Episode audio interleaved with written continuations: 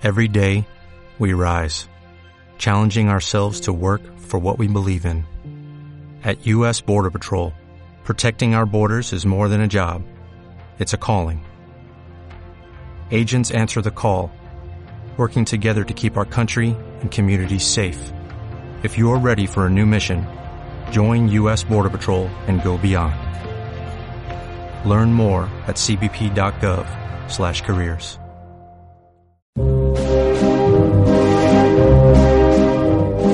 L'Odissea de la Història, de Cerdanyola Ràdio.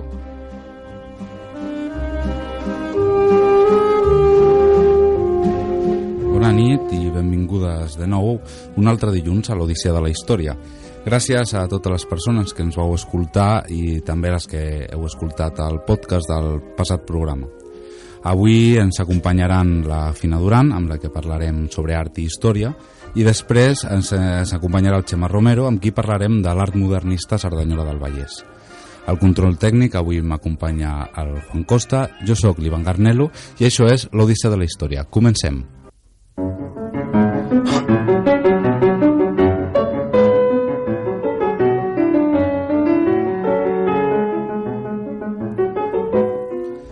Ara ja tinc al meu costat a la Fina Duran. Bona nit, Fina, benvinguda. Bona nit, Ivan.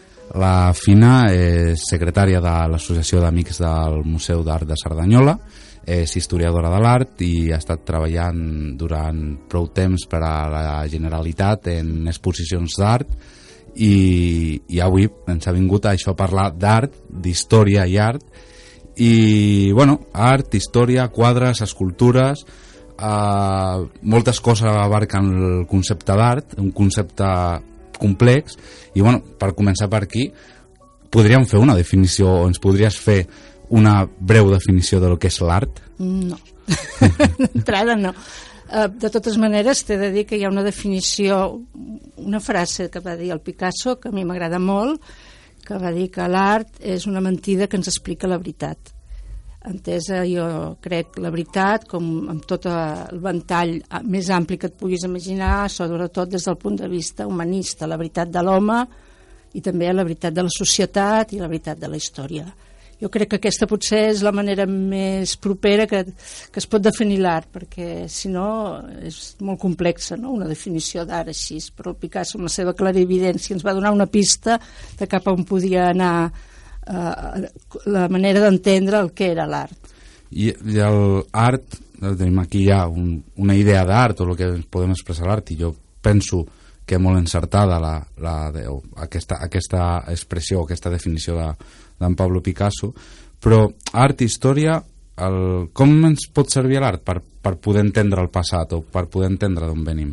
A veure, hi ha un fet, que és que la història que ens arriba normalment és la dels vencedors, i en el cas de l'art passa molt això també, perquè eh, abans els artistes estaven molt sota, sota les ordres del poder religiós, el poder polític, no sé, l'època del Renaixement, l'època era sempre anava a prop de, de, o sigui, era l'expressió del poder. I, I això ho hem de tenir en compte a l'hora de saber què ens està explicant l'art de la història. Ens està explicant la història dels vencedors. Perquè, bueno, per exemple, ara en el museu eh, fa uns dies es va inaugurar una exposició dedicada a l'Anna Maria Smith, que és una dona que ens mostra, per exemple, el cas de les dones ens mostra molt com ens explica la història l'art, perquè no apareixen, no existeixen quasi, n'hi ha molt poques a la història de l'art. I dones artistes hi eren, però no han arribat com és, per exemple, com em dic, el cas de l'Anna Maria Smith, que coneixem l'obra del seu germà, però la d'ella no ens havia arribat fins ara. O sigui, hem de tenir en compte que l'art explica una vessant de la història, almenys en els segles passats, molt només d'una part de la història, que és el que ens passa normalment amb tots els vessants, eh? també s'ha de dir, perquè hi ha una part de la història que no ens acaba d'arribar, que és la de la gent que no està en el poder una mica. I en el cas de l'Anna Maria Smith, per exemple, que tenim, ja dic, aquesta exposició ara que hem organitzat des de l'Associació d'Amics del Museu, és molt clar. O sigui, el seu germà el coneixem, era il·lustrador com ella, però ella va quedar completament oblidada.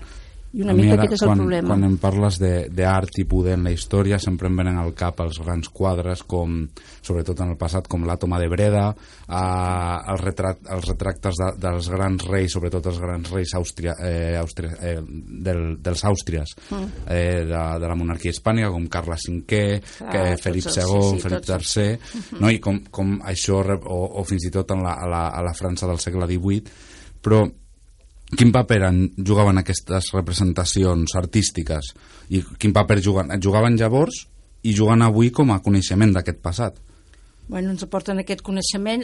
També s'ha de dir que no és del tot just dir que estaven només a favor del poder, perquè també tenim obres d'artistes que ens posaven la seva pinzellada irònica, la seva pinzellada una mica perquè veiéssim realment qui teníem en el poder, no? Tenim, no sé, el Goya mateix, no? que també era un artista molt reconegut, però que va saber donar una altra visió de la part de història que a ell li tocava. Vull dir, el, el, el paper... Ens, ens expliquen la història realment, doncs, això de la, de la, del poder, de la política, però hem d'agrair que hi ha alguns artistes que ens ajuden a tenir pinzellades de l'altre vessant de la història. Poques, però també, també hi són. Sí que, sí que és cert que hem vist molt eh, aquest art més reivindicatiu més a prop al XIX, al, al segle Clar, XX. això comença amb les avantguardes. Les avantguardes és una ruptura que es comença a plantejar... Quan, quan, quan comença? Prim, eh, bueno, principis del segle XX seria, bàsicament eh, és una ruptura que es comença a plantejar, és un trencament. Es, es descomposen les, les obres, o sigui, es descomposa la realitat de les obres i alhora també es descomposa aquesta visió unitària. Vull dir, tots els ismes, el cubisme, el futurisme, el surrealisme, ens donen una altra mirada de la realitat. I això ens, ens ajuda també a veure ja un altre cantó que fins ara no havia arribat. La fotografia arriba i la fotografia possibilita que hi hagi una imatge real de, de, del que està passant. Llavors és quan l'art es descomposa d'alguna manera per mostrar-nos altres parts que no és aquesta cosa ja que es veu, és el surrealisme, el tema dels somnis, per exemple, o el cubisme, la descomposició de les formes. Vull dir, cada, cada isme ens aporta una manera diferent de veure Però, la realitat. Però, per exemple, amb quadres com els afugellaments del 2 de maig de Goya, mm. No, també no n'hi ha en aquell quadre, estem encara en el segle XIX, una, un artista relacionat amb el poder de l'època, no n'hi ha una reivindicació, per exemple, en aquesta imatge dels afusellaments de com... Sí, per això et dic que, ha, que, no, que no és del tot just dir que només ens donaven una mirada, perquè sobretot eh, en el cas de Goya ens aportava altres mirades, hi ha tota la, la seva sèrie negra que és molt dura i que ens mostra una realitat molt dura, però jo crec que el Goya és un dels primers artistes avantguardistes que fan una ruptura amb, amb aquesta mirada més lineal que havia hagut fins al moment. Estem parlant de, de, de protesta, de reivindicació social, eh, podem parlar aquí de l'art ja com, com, una, art, com un art activista, un, un art d'activisme social envers una societat, per exemple, parlàvem de les vanguardies al segle XX, una societat que està canviant, una societat amb la política, amb, amb les masses entren en la política, les masses estan assaltant el poder, amb noves, no només noves també noves formes d'entendre de, el món, d'entendre la política, amb moviments polítics forts i potents que s'havien estat construint des de finals del XIX. Quin, quin paper comença a jugar aquí, aquí l'art?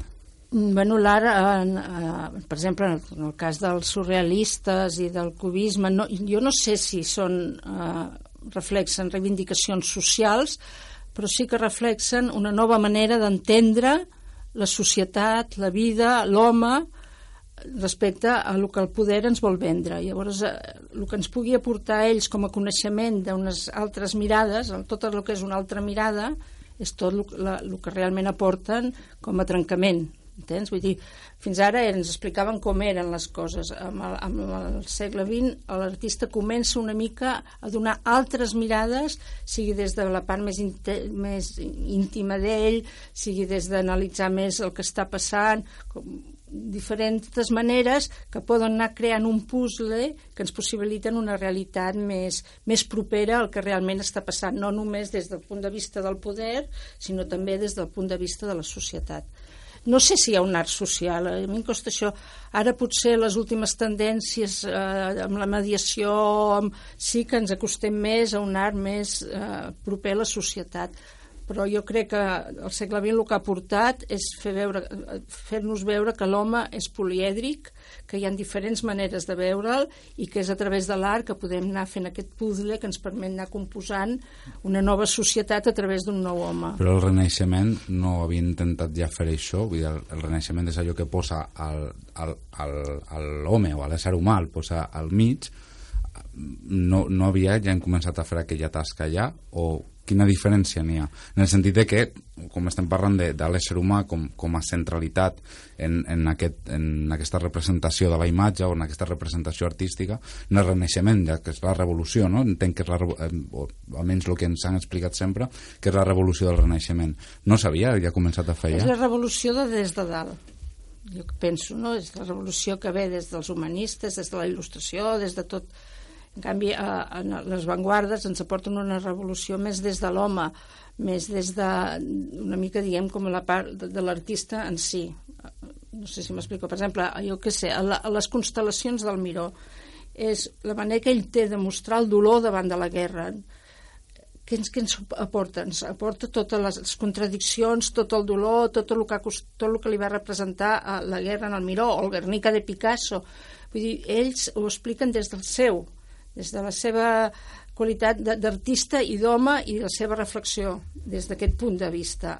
El Renaixement jo crec que sí, que aportaven tot el coneixement cap a l'home, però era vist des de les capes superiors de la societat. Eh, penso que bàsicament és aquesta. El, el, les avantguardes és una cosa quasi diria més individual, més és cada home ens aporta, cada artista ens aporta una mirada diferent i ens permet fer aquest poliedre, aquest puzzle complet.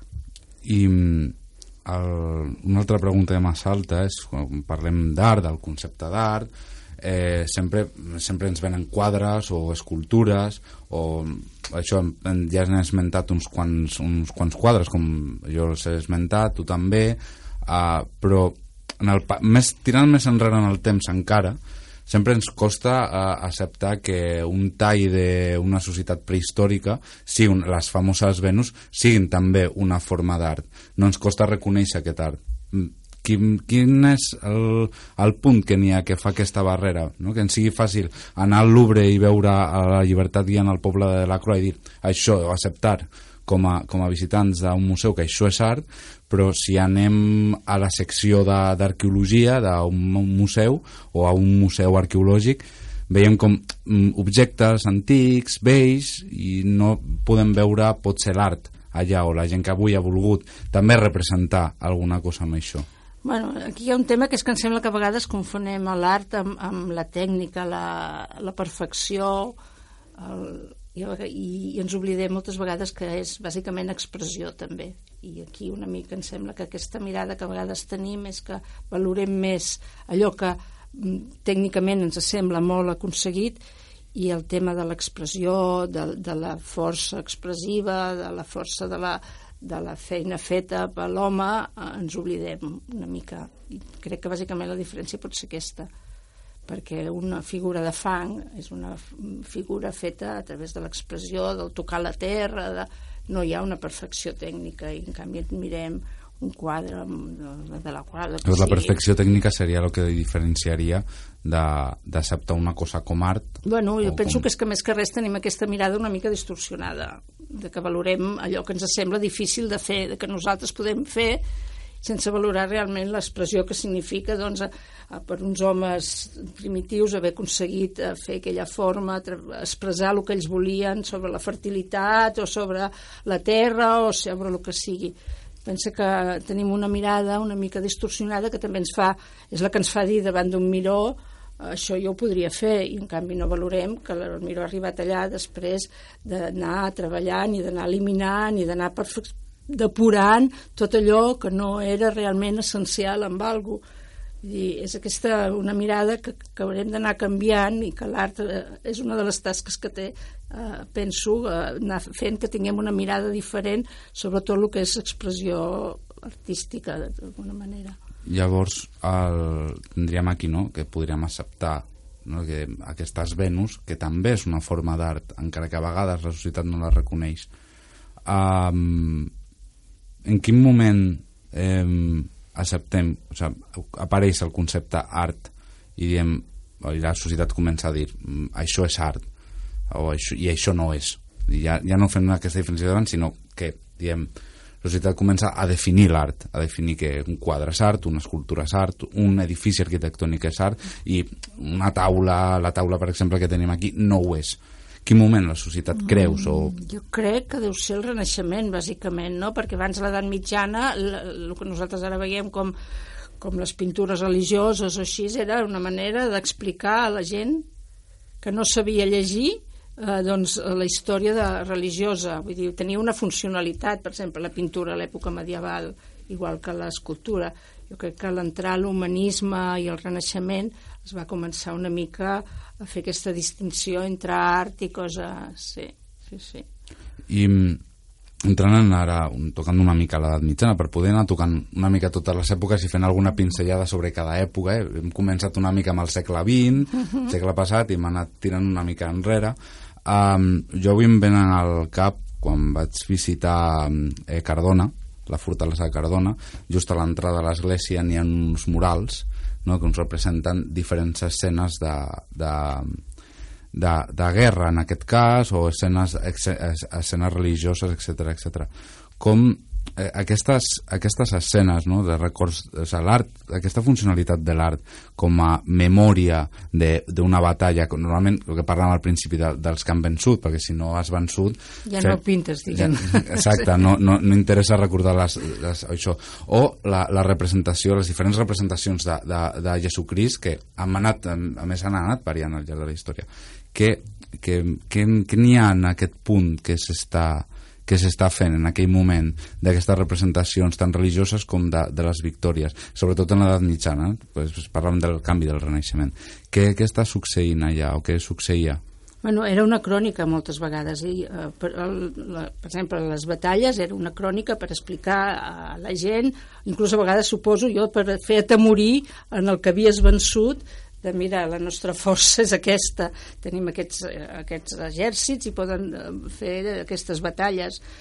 I en el camp de religiós, això que et deia, pensava la gent no sabia llegir ni escriure i d'alguna manera se li havien d'explicar doncs, tant les batalles com, com la part de la religió i fer entendre a la gent doncs, tot el que tornem a dir-ho, el poder volia que la gent entengués de, de, de, de, de la seva part d'història, de les batalles, de la religió, de lo que fos. Una mica és aquesta idea. I, I per què es fa aquesta diferència amb l'època anterior, que és la de l'imperi romà, on l'art tenia una altra significació i n'hi havia, hi havia representacions artístiques que era pel, pel meu plaer o representacions de plaer o el, els mosaics a, a, a algunes de les villes romanes què, què, què és el que...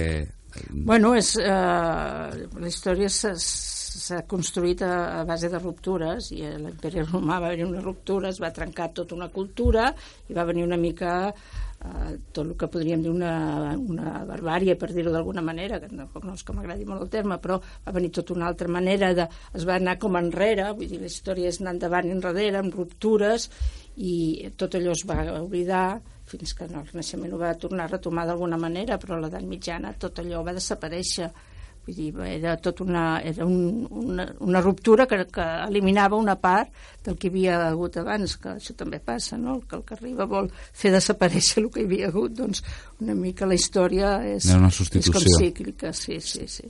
Ara, um, que se'ns se comença a acabar el temps per l'entrevista, volia que si ens podies deixar abans de marxar alguna, alguna reflexió sobre, sobre el valor de l'art, sobre el valor de l'art a la història, i bueno, això sobre l'art ara i l'art en el passat i quin valor ha de tenir i ha de jugar per, per, per la que la societat no conegui el seu passat, conegui d'on ve i pugui també entendre on és ara i cap a on va. Bé, eh, jo crec que això, que l'art ens ha d'ajudar a entendre l'home d'alguna manera, entendre l'home en el seu sentit ampli, no només mirant el passat, la història, que també, sinó també entendre doncs, el funcionament, entendre com funciona la societat, que és una mica cap on va l'art actual. L'art actual ja no representa, l'art actual una mica analitza i ens ajuda a entendre i a mediar amb tota una de les problemàtiques que tenim en el nostre entorn, perquè s'ha entès que, que com a representació eh, només de, rep de representar i d'imitar la realitat ja no té sentit i ara passem a analitzar-la i a fer-la entendre. I una mica mm, de, de, la diferència entre l'art actual i el del passat és que el del passat ens explicava la història des d'una des d'una part i l'actual el que ens ajuda, ens hauria d'ajudar és a mediar, a entendre-la i a comprendre-la a la societat i també l'home. Una mica crec que ara la funció bàsica de l'art hauria de ser aquesta. Bueno, final, Uh, moltíssimes gràcies per, per haver vingut avui, per estar aquí en, en aquesta casa, estar en Cerdanyola Ràdio, estar en l'Odissea de la Història i gràcies per, per, per haver-nos acostat a l'art, la història. Uh, ui, el, els estimades oients, ara vosaltres no marxeu perquè ara ve la nostra secció tal dia com avui.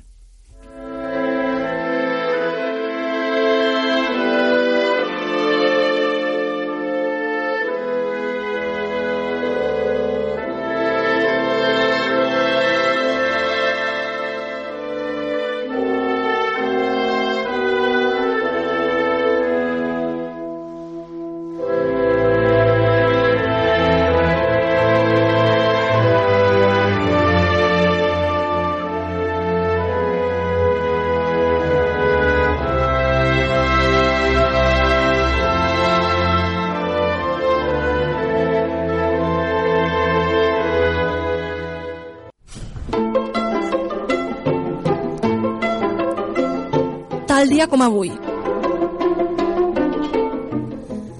L'any 37 després de Cris, el Senat proclama Calígula com a emperador de tots els romans.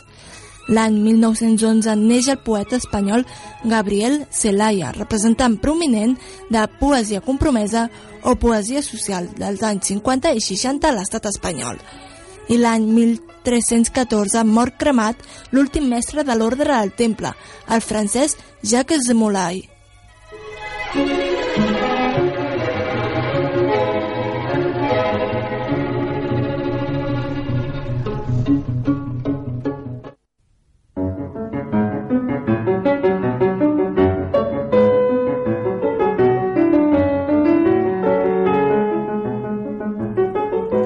Benvingudes de nou, ara ja tinc al meu costat el Xema Romero, benvingut Xema. Moltes gràcies.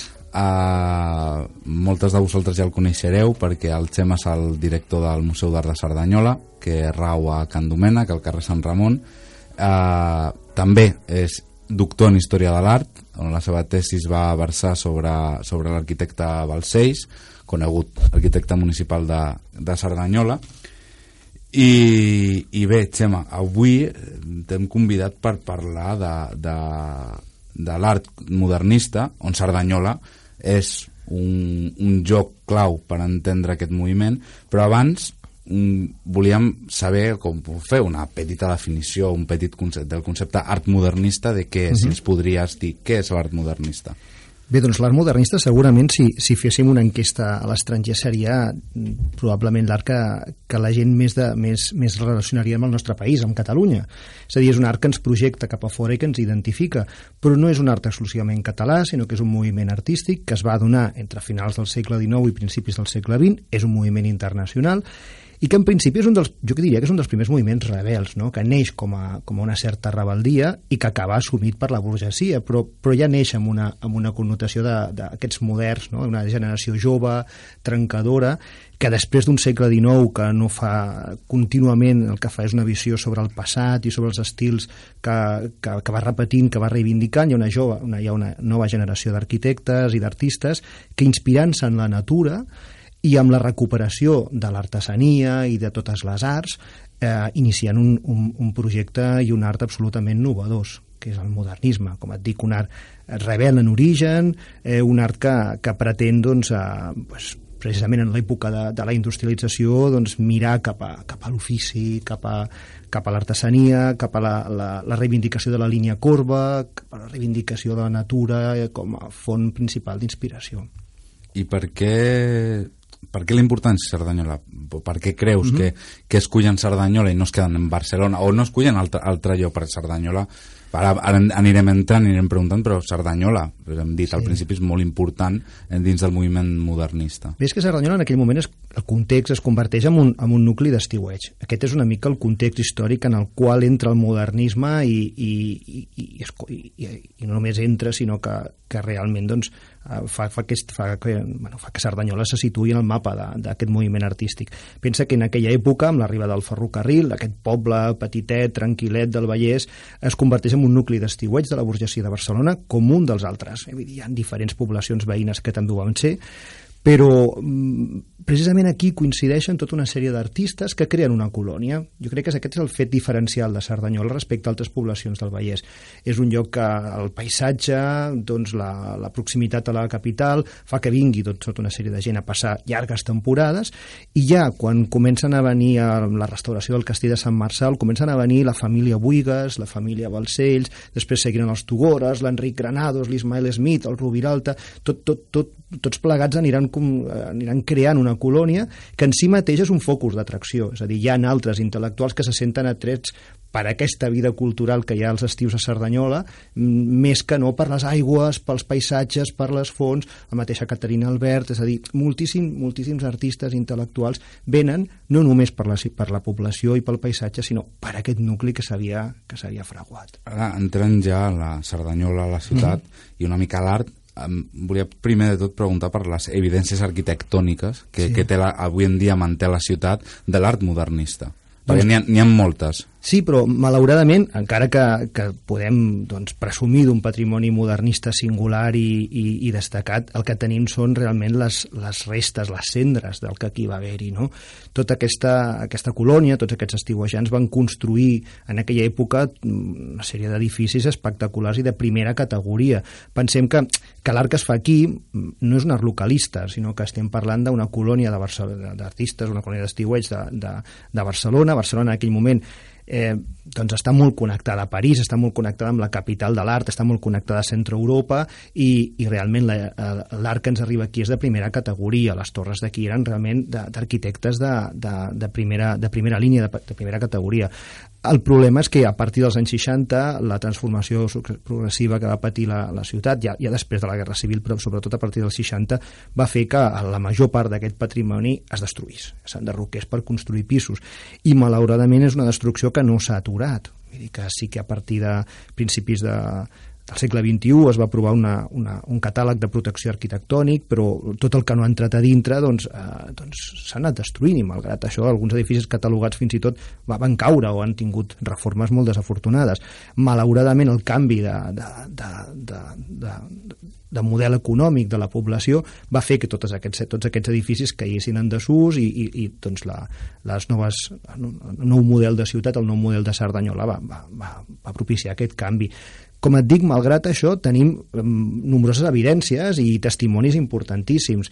Ens han quedat edificis, eh, torres de, la Torre d'Estiueig, Torres d'Estiueig, perdó, l'església de Cerdanyola, amb alguns elements molt singulars, com els seus mosaics no?, d'en Lluís Bru, eh, el castell de Sant Marçal, algun dels panteons del cementiri, i, com et dic, tant de l'època modernista com noucentista, hi ha alguns, alguns, alguns edificis molt, molt singulars.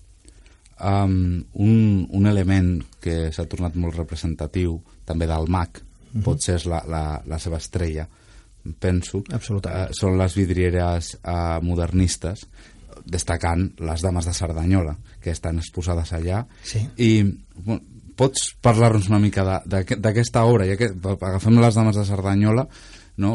perquè és la, la, pot ser la, la més famosa o més coneguda, entre altres que n'hi han també allà exposades. Absolutament, o sigui, si estem dient que el modernisme és l'estil català doncs, que segurament més ens, o l'estil que més ens projecta a Catalunya, al país, a Cerdanyola va ser una època on, on Cerdanyola va esdevenir un, un centre cultural de primera categoria, doncs realment el Museu d'Art de Cerdanyola és l'element més important del nostre patrimoni modernista. Evidentment, és el, el, el lloc on custodiem el nostre patrimoni artístic, però és que la mateixa caixa que conté tota la col·lecció és una obra molt destacada. L'edifici eh, va ser realitzat per l'arquitecte Galleta Buigas, el mateix que va fer el Castell de Sant Marçal, i com a teatre casino dels estiuejants, inaugurat per l'Enric Granados, i el seu el seu nebot, l'Eduard Maria Balcells, va, fer el que el transform, va ser el que el transformarà en una torre d'estiueig i que hi afegirà tot un repertori de vitralls espectaculars, no podem dir els, de, de, els millors de, de, de, del modernisme català perquè és molt difícil això de quantificar l'art en millor i pitjor, però són una de les peces més importants del modernisme europeu, podem dir, i tècnicament una de les peces realment més, eh, sense cap mena de dubte, més, més importants. Eh, aquest conjunt de vitralls han esdevingut doncs, l'element artístic més singular de la ciutat, sense cap mena de dubte, bé cultural d'interès nacional, és a dir, és una peça eh, d'importància doncs, per, per tot el país. I, i evidentment doncs, és una obra, com, com et dic, que traspassa fronteres, que ha participat, doncs, hem participat en diferents comunicacions a nivell internacional, en congressos sobre vitrall, és una obra eh, en principi molt desconeguda perquè durant anys va estar, va estar amagada al que eren uns antics laboratoris farmacèutics i no va ser fins als anys 80-90 que es comencen a descobrir, a redescobrir per Joan Vilagrau i Francesc Rodon en la seva publicació mítica dels vitrallers de la Barcelona modernista, on es col·loquen a la portada i a partir d'aquí doncs, aquest mite de les dames de Cerdanyola, del punt culminant del vitrall modernista català, com els van anomenar aquests autors, doncs va començar a forjar-se. No? Eh, la seva recuperació doncs, amb la restauració de l'edifici va ser un fet eh, simbòlic, però un fet eh, importantíssim pel patrimoni de Cerdanyola. Jo crec que va ser un dels fets històrics de, del segle, del principis del segle XXI per, per la ciutat, poder recuperar uns vitralls que havien desaparegut, que se'ls havien emportat i que ara mateix han esdevingut un senyal d'identitat. Llavors, jo et puc parlar de la seva rellevància històrica, et puc dir que que, que, que són, doncs, com et dic, una de les peces més importants del vitrall modernista europeu, la seva autoria, la seva singularitat dintre del modernisme, per les seves característiques estètiques, tècniques, però jo el que destacaria és aquest valor icònic que han adquirit que ara tothom sap que estem parlant de Cerdanyola, i ens projecten a la ciutat, les ciutadanes, els ciutadans de Cerdanyola ho han assumit com un dels símbols propis. La gent, quan venen a, amics o venen gent coneguts o famílies a la ciutat, els porten a veure els vitralls. Això per mi és dels, de, de, dels, dels valors més importants que tenen unes peces que es van realitzar segurament per diferents mans això de l'art també ens agrada molt, aquesta visió mítica i bohèmia de l'artista romàntica, però en el cas de les arts aplicades a l'objecte o les arts de, doncs, com els vitralls, una, una tècnica doncs, que està molt vinculada a la funció arquitectònica, eh, intervenen moltes mans. Aquí, en aquest cas, va haver-hi un, un arquitecte que va decidir col·locar-los i segurament faria els primers esbossos, que va ser l'Eduard Maria Balcells, Interve, va intervenir segurament un dibuixant de primera línia de l'entorn si no és el mateix Alexandre de Riquer del seu entorn, però que és només una atribució per les semblances estilístiques o fins i tot de les referències literàries a l'obra de Riquer, i després hi ha un vitraller, un tècnic, que era un vitraller alsacià, alemany en aquell moment, que es deia Ludwig Dietrich von Vier, que era un dels vitrallers més importants d'Europa, que estava treballant en aquell moment a Barcelona i que és el que tècnicament realitza els vitralls. Com pots veure, una obra coral de moltíssims artesans eh, i artesans i importants en l'època. Una, categoria. una persona de, de l'Alsàcia en aquell moment, uh Mhm. -huh. ben, ben referenciat a Alemanya, d'Alemanya Sí. en aquell moment, que havia, no, no només està en Barcelona, que és la capital, no hem conegut, sinó que ve a Cerdanyola a treballar en aquestes uh Mhm. -huh. vidreres. A part, estan sí. parlant de les dames, no, no sé si, si et queda alguna cosa més a- per, per, dir, per dir aquesta obra. També jo al, al, al, als, als oients que, que estan sentint el programa, si no ho han fet encara, eh, els encoratjo a que vagin al, al MAC i puguin contemplar de primera mà a, a, a aquestes vidreres per, per tot això eh, que, que representen i perquè és necessari, per molt que, que, que el Xemes les pugui explicar, és necessari poder-les veure amb els nostres propis ulls. Però, a part de les dames, quines altres vidreres també poden, poden tenir o tenen importància, que pot ser també la, les dames les han anat eclipsant una mica. Doncs que, de fet, el, el Museu d'Art de Cerdanyola conserva un dels conjunts més, més importants, més complets de, del modernisme català pel que fa a vitrall. Eh, conservem el, 70, el 80% dels vitralls de la casa. En aquell moment, mm, Balcells omple tot l'edifici de vitralls, probablement reaprofita alguns que ell mateix havia realitzat perquè ell també havia tingut un taller de vitrall, i al, al marge de, del tríptic de les dames de Cerdanyola, que, que és una excepcionalitat, com et dic, que traspassa qualsevol tipus de, de frontera, hi han tot un seguit d'elements, d'altres peces de vitrall molt singulars, molt interessants i molt diverses, molt diferents, que, que donen una idea doncs, de, de, que podien haver estat de, fets amb anterioritat alguns d'ells, com ara el vitrall dels paons, que seria probablement formaria part de l'oratori antic de la casa, els vitalls dels gats, eh, que mostren una història, el gat i el lloro, que segurament decorarien la cuina de la casa, també un altre dels àmbits desapareguts actualment de l'edifici, i després doncs, tenim altres mm, elements de tancament, com ara la, la, les finestres de les roses, la, la porta de les fúcsies, eh, també coneguda com la, les pendientes de la reina, no? és una flor que, que és un símbol de, que, que al·ludeix al propietari de la casa, que era un joier, i que per tant col·loca una flor que té forma d'arracada,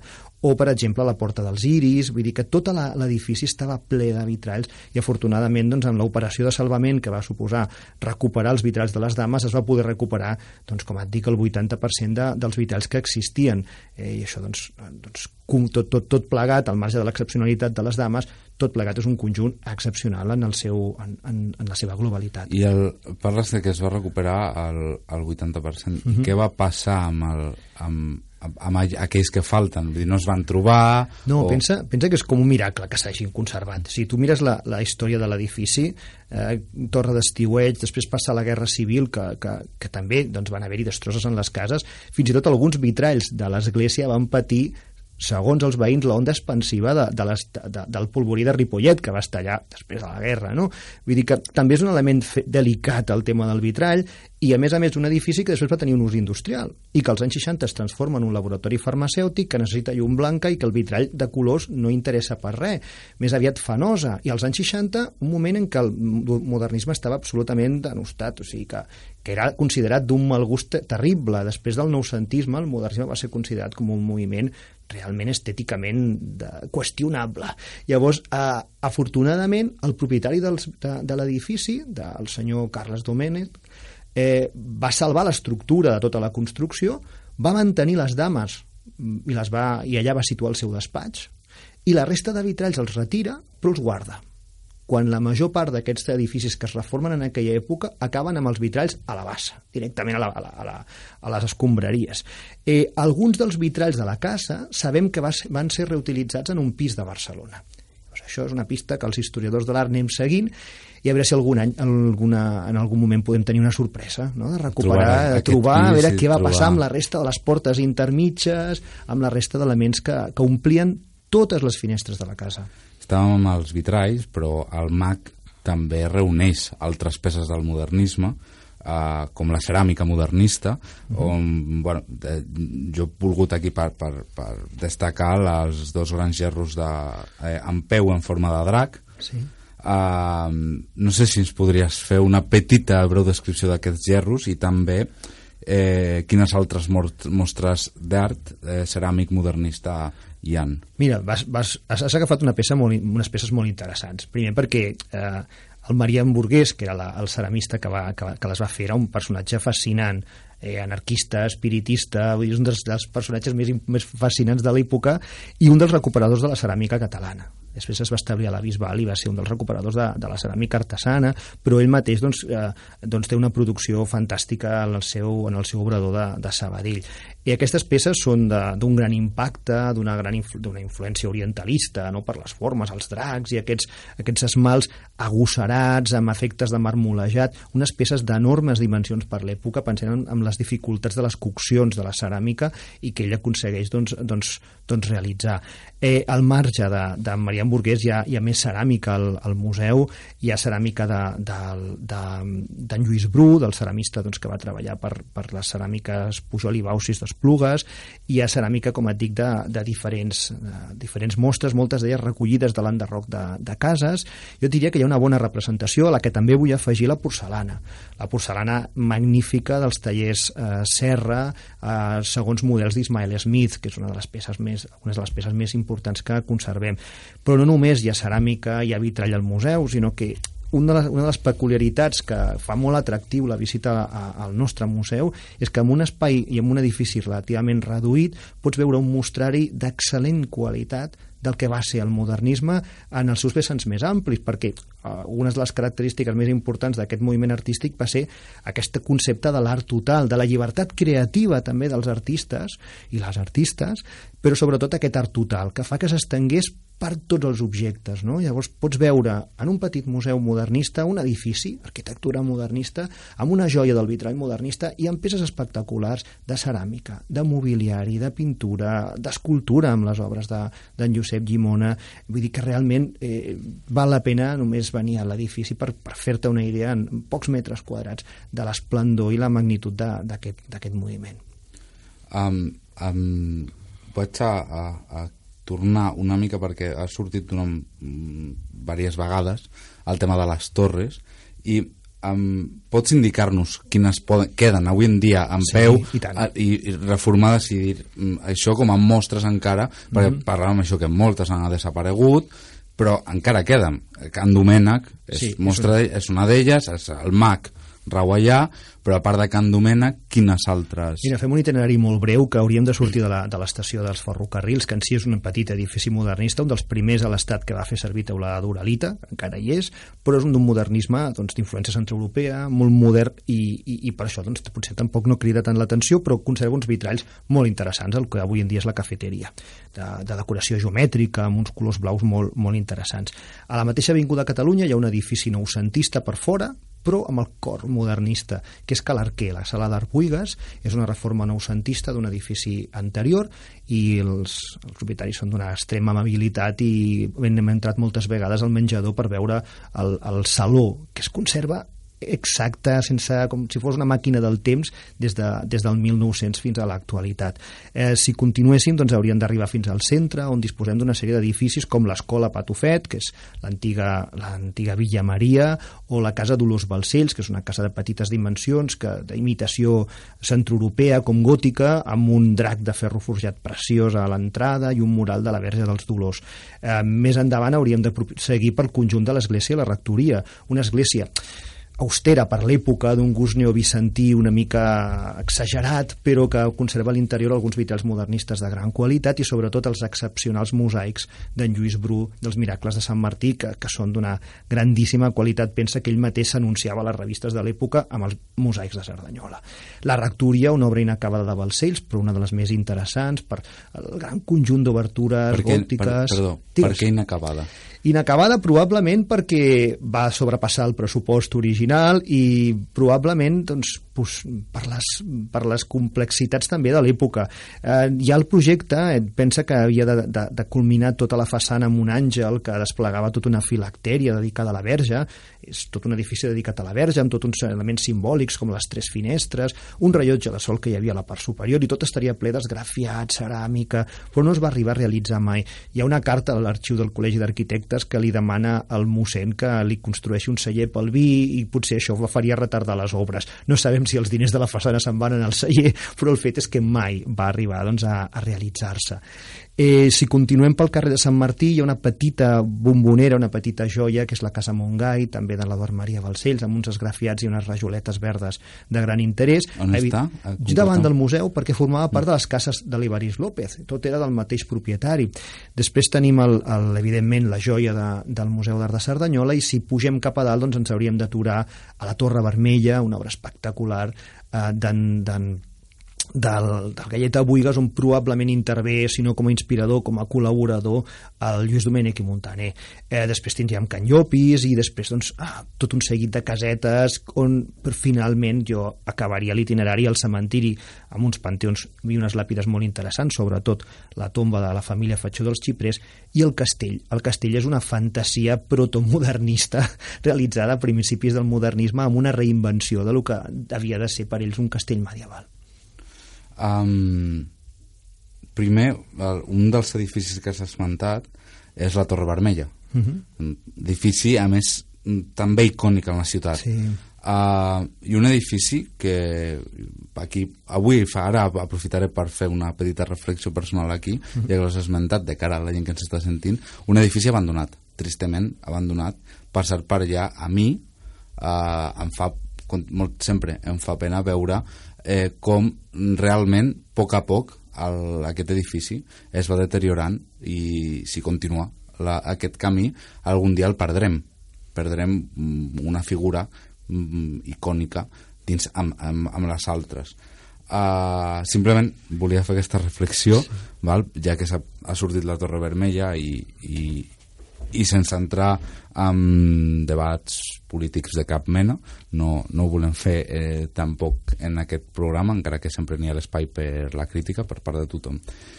Uh, un altre fet, fet aquesta reflexió que no sé si, si, si, si el convidat no, ho parteixo absolutament, o sigui, és un dels edificis més importants a nivell arquitectònic de la, de la ciutat, però sense cap mena de dubte, i és un edifici que, que evidentment, doncs, està sent objecte, ho sé, per l'Ajuntament d'estudis de, per la seva recuperació, però sempre que hi ha una recuperació no es pot anar a correcuita, perquè, evidentment, a vegades és més desastrós una in mala intervenció que no un abandonament d'un edifici. Vull dir que, evidentment, eh, les restauracions s'ha de fer molt acurada perquè hi ha decisions que poden ser irreversibles. Llavors, evidentment, no es pot anar a correcuita i i, sé que, que s'està treballant i es treballarà, s'està treballant amb el tema. Eh, esperem que aviat el tinguem recuperat, igual que en el seu moment Can Domènec era un edifici que ningú mm, en aquell cas sí que ningú donava un duro perquè realment l'aspecte era terrorífic i semblava que no es podia recuperar i ara és una, un orgull per la ciutat. La Torre Vermella, sense cap mena de dubtes, és que no, només cal passar pel costat per veure que realment és un edifici molt interessant i molt important arquitectònicament. Um, parlat de vitralls, ceràmiques, edificis, torres, i han anat sortint noms, mm. noms, noms d'artistes, i artistes molt importants pel modernisme. Pot ser mm, alguns sens, eh, els tenim desconeguts, alguns no, no en sonen tant, però volia, volia preguntar-te per tots aquests artistes que, que arriben a Cerdanyola i quina importància també tindran per a la ciutat no, no, com, no, no tant fer figurista, sinó en aquell moment quina importància tenen per Cerdanyola aquesta gent que ve. Mm -hmm. O sigui, quin llegat ens deixen aquí sí. o per la... A veure, tu pensa que en aquell moment estem parlant d'uns artistes i unes artistes que, que la seva majoria resideixen a Barcelona, que fan contínues estades a Europa, a París, i que en aquell moment doncs, venen llargues temporades a Cerdanyola. L'estiueig no és d'una setmana ni d'un mes, sinó que són de diversos mesos, amb la qual s'instal·len aquí eh, els tallers d'aquests artistes, hi ha pintors i escultors que instal·len aquí els seus tallers i, i això doncs, evidentment repercuteix i crea una escola, una escola que per exemple en el cas de l'escultura va continuar va continuar de Viladomat, dels primers escultors a Viladomat, de Viladomat a Juventeny, i Juventeny van tenir com a, com a deixebles a, a, a Garriga i a Manyosa, que són dos, dos escultors contemporanis, vull dir que en alguns casos això eh, s'ha mantingut. Després han, han, han deixat rastre, no?, el, el, el nomenclàtor, no?, el nom dels carrers, eh, pensem, per exemple, amb l'escriptora Caterina Albert, amb la Víctor Català, que, que, que està tan vinculada al barri de Montflorit, segons el, el, el, alguns eh, cronistes de l'època fins i tot li, li hauria donat el nom, però en el seu, ja en vida de l'escriptora eh, el barri, la, els veïns del barri van decidir donar-li eh, el nom de Víctor Català, un dels carrers. Vull dir que que malgrat la, la destrucció sistemàtica i l'oblit i la transformació tan gran de Cerdanyola, tots aquests artistes han deixat una empremta i aquesta, aquesta empremta pot ser més visible o més invisible però quan tornen al museu aquestes peces cobren vida i ens expliquen part del nostre passat i ens expliquen eh, realment eh, també bona part del que és l'essència humana. No? Les obres d'art eh, ens poden oferir una finestra al passat, però també ens permeten doncs, parlar de molts temes d'una absoluta actualitat. Pensa que, per exemple, en el museu ara estem reivindicant molt la presència de les dones artistes i per això contem amb la col·laboració de, de l'Associació la, de d'Amics del Museu d'Art de Cerdanyola que s'acaba de crear i una de les primeres iniciatives que ha tingut és fer un cicle sobre art i gènere. No?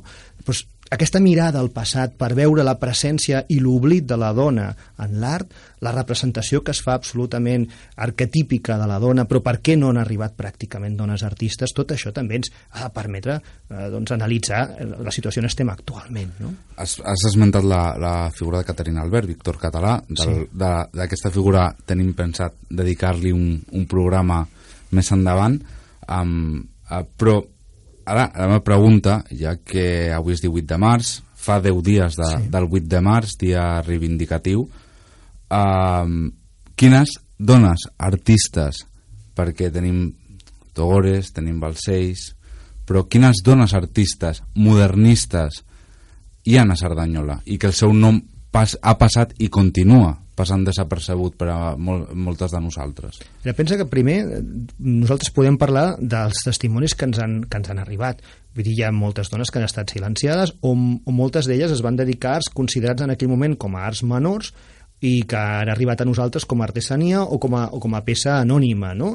Eh, però, tot i amb això, hem, hem, hem pogut treure de, de, de documentar la presència doncs, d'artistes com l'Anna Maria Smith, la germana de l'Ismael Smith, il·lustradora, igual que ell, i que està vinculada doncs, com a estiuejant i com a membre de la colònia d'estiuejants de Cerdanyola. Hi ha fotografies d'ella doncs, que la, la situen aquí i on devia doncs, realitzar part de la seva producció. A ella li dediquem una petita mostra actualment al museu, malgrat pràcticament no hi ha obra conservada en lloc han trobat un dibuix al manà que estem il·lusionadíssims que arribarà per l'exposició almenys abans de que acabi però, però és, és, és, pràcticament no hi ha obra seva.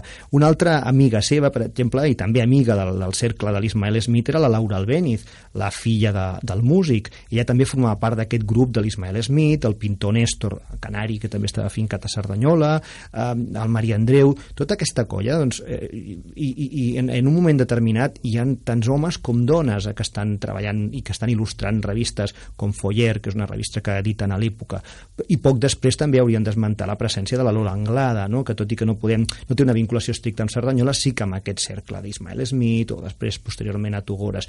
Però com et dic, són casos que semblen aïllats, però semblen aïllats perquè realment la situació en aquell moment de ser dona artista era molt complexa, però les poques que, que, o les que van poder fer-ho per la situació familiar o per la seva situació personal, després han estat doncs, absolutament doncs, esborrades o, o condemnades a l'oblit per la historiografia.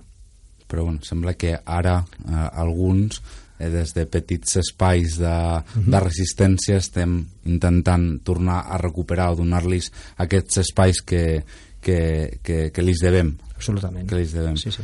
Uh, Xema, seguiríem parlant molt més però uh, no, no, no ens queda ja, ja gaire temps. Moltes gràcies per, per haver vingut avui. Moltes gràcies a vosaltres. I, i espero poder tornar-te a tenir eh, prompt aquí. Uh, nosaltres ja ens despedim uh, per avui aquest dilluns i recordem que trobareu el podcast per tornar-nos a sentir a la nostra secció web del sardanyola.info i també us recomanem seguir-nos a les nostres xarxes socials Facebook, Twitter i Instagram. Eh, bona nit, bona setmana i fins dilluns.